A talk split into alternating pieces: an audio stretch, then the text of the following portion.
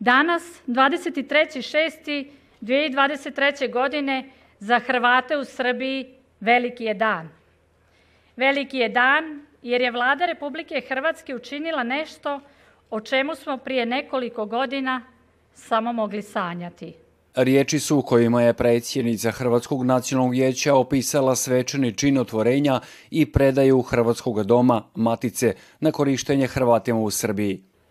Matica je ono što je bio logičan slijed višegodišnjih napora našeg zajedništva i posvećenog rada za dobro Hrvata u Srbiji. To je ono što je vlada Republike Hrvatske učinila za nas. Najveći infrastrukturni projekt Hrvatske zajednice u Srbiji u njezinoj novijoj povijesti u cijelosti je financirala vlada Hrvatske s gotovo 1,9 milijuna eura. Hrvatski premijer mi je ocijenio odluku da se sunarodnjacima u Srbiji osigura trajan trag prisustva na ovim prostorima i mjesto okupljanja. Siguran sam da će ona pridonijeti vašim dosadašnjim aktivnostima koje izrazito cijenimo i koja će, e, pokazat će vrijeme, sigurno biti bitna za daljnje njegovanje našega identiteta, hrvatskoga identiteta u Srbiji. Hrvatska je ponosna na vas jer čuvanjem svojih hrvatskih korijena i običaja pridonosite i raznolikosti i bogatstvu Srbije. Srpska premijerka otvorenje Hrvatskog doma ocijenila je pozitivnim činom koji će pridonijeti unapređenju odnosa Hrvatske i Srbije. Ova posjeta premijera Plenkovića danas, kao i moja nedavna posjeta Zagrebu, su veoma važne i daju pozitivan impuls za formiranje znatno boljih odnosa u budućnosti. I čelnika DSHV-a i ministra u vladi Srbije Tomislava Žigmanova izgradnja i otvorenje matice u Subotici više od pukog osiguravanja novog prostora za rad hrvatskih institucija. Susret premijerke Brnović i premijera Plenković još jednom je potvrdio da su manjine, u ovom slučaju Hrvatska u Srbiji, kao što je prošli put bila Srpska u Hrvatskoj, uistinu mostovi za suradnje, za suradnju. U povodu otvorenja Hrvatskog doma Matice priređen je prigodan program koji su pratili visoki uzvanici, uglavnom iz Hrvatske. Ministri, prvaci srpske manjine, župani, gradonačelnici, ravnatelji institucija, kao i predstavnici Hrvatske zajednice u Srbiji. To će biti sad neki centar koji ja osjećam i i svi mi Hrvati koji smo ovdje gravitiramo prema Subotici, naravno da je to velika radost. Vjerujem da će ovo biti prijelomni dan u novijoj kulturnoj povijesti Hrvata u Srbiji i da je to mjesto gdje doista možemo više ne samo sanjati nego ostvarivati naše dugogodišnje želje. I jako sam sretan i zadovoljan jer se ovo je prekrasna, prekrasan događaj i mislim da svi u našoj zajednici moramo biti zadovoljni i sretni. Nakon otvorenja doma, Hrvatska je zajednica jučer proslavila i praznik Dan rođenja biskupa Ivana Antunovića. U tradicionalnom proglašenju najboljih učenika hrvatske nastave u Vojvodini sudjelovao je i hrvatski premijer. On je učeniku s najviše uspjeha u školovanju, Andriji Matkoviću, uručio nagrade i priznanje crvenu kravatu. Gledate paletu. Izbor iz emisija na jezicima nacionalnih zajednica.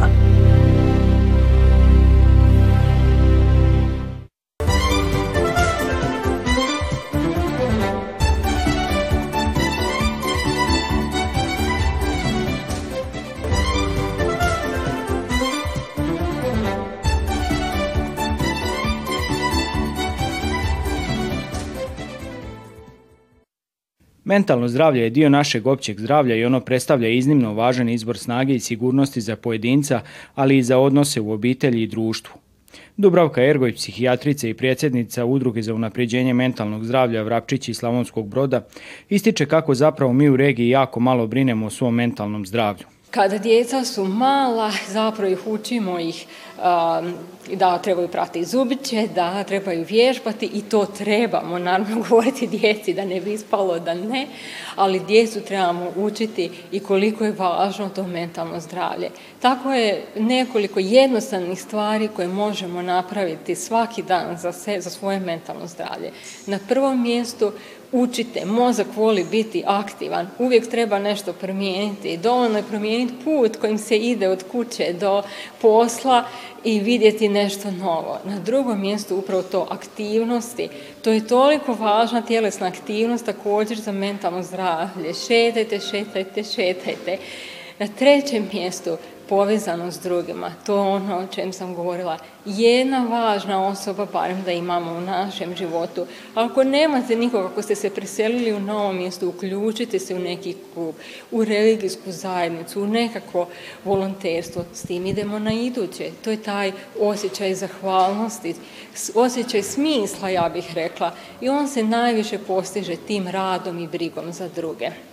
To može biti kroz volontiranje ili bilo kakav doprinos svojoj zajednici i na petom mjestu ono što govore to je ovaj stranci ili govore mindfulness, ja bih rekla nekakva usredotočena svjesnost to može biti molitva, ne moramo mi ići ovaj, govoriti o meditaciji, to može biti molitva, to može biti vrtlarenje, to može biti bilo koja aktivnost u kojoj ćemo ugasiti te nesretne mobitele, na trenutak imati jedan malo mira u kojem ćemo maknuti od sebe te silne notifikacije koje nam non stop dolaze i zbog kojih smo stalno zapravo napeti.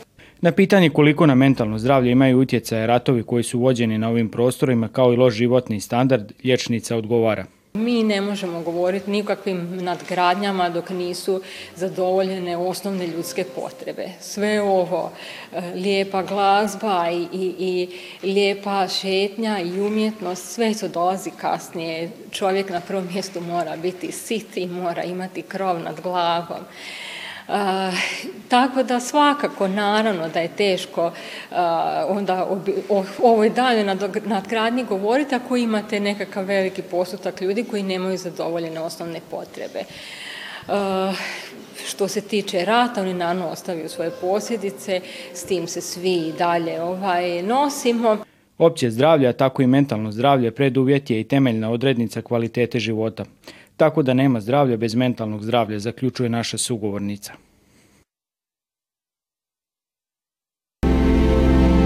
Gledate paletu. Izbor iz emisija na jezicima nacionalnih zajednica.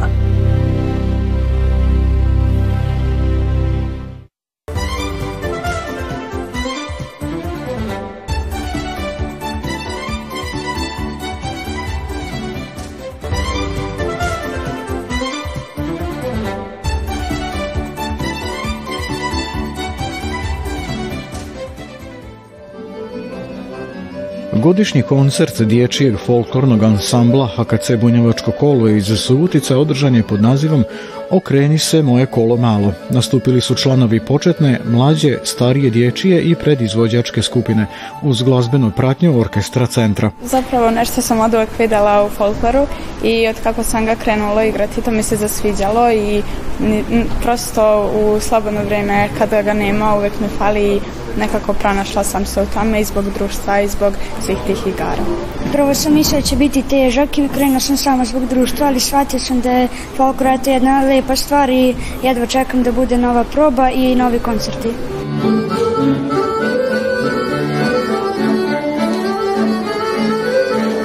Mislim da je folklor ona stvar koja mene ispunjava i koja zapravo dopunjuje mene i da jedan deo mene bi bio prazan da ne idem na ovog proba. Meni zapravo vredi ovo vreme ulagati u folklor, u ovu zabavu, nove igre učimo i vredi mi vremena što potrošimo na folkloru. Plesače su pripremili voditelj dječjeg ansambla Nemanja Sarić i plesna asistentica Martina Vojnić-Tunić.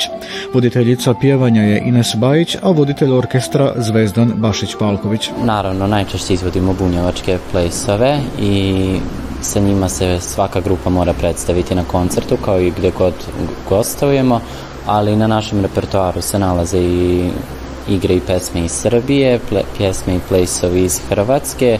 Ove nove godine na repertuaru sad za koncert ćemo imati i mađarske plesove i rusinske. Uobičajeno je puno dvorana kada nastupa pomladak kola. Folklor ima dobru bazu popune. Možemo se pohvaliti da uopšte nemamo problem sa članstvom, e, čak ni sa dečacima koji su obično u deficitu većina društava. Mi imamo podjednak broj dečaka i devojčica. E, raspoređeni su u četiri uzrasne grupe. U proseku po grupi ima oko između 20 i 30 članova. Na ovom koncertu učestvuje oko 100 dece. Stalnim upisom novih članova HKC Bunjevačko kolo u Subutici nastavlja s čuvanjem i njegovanjem folklora i u dječijem dobu.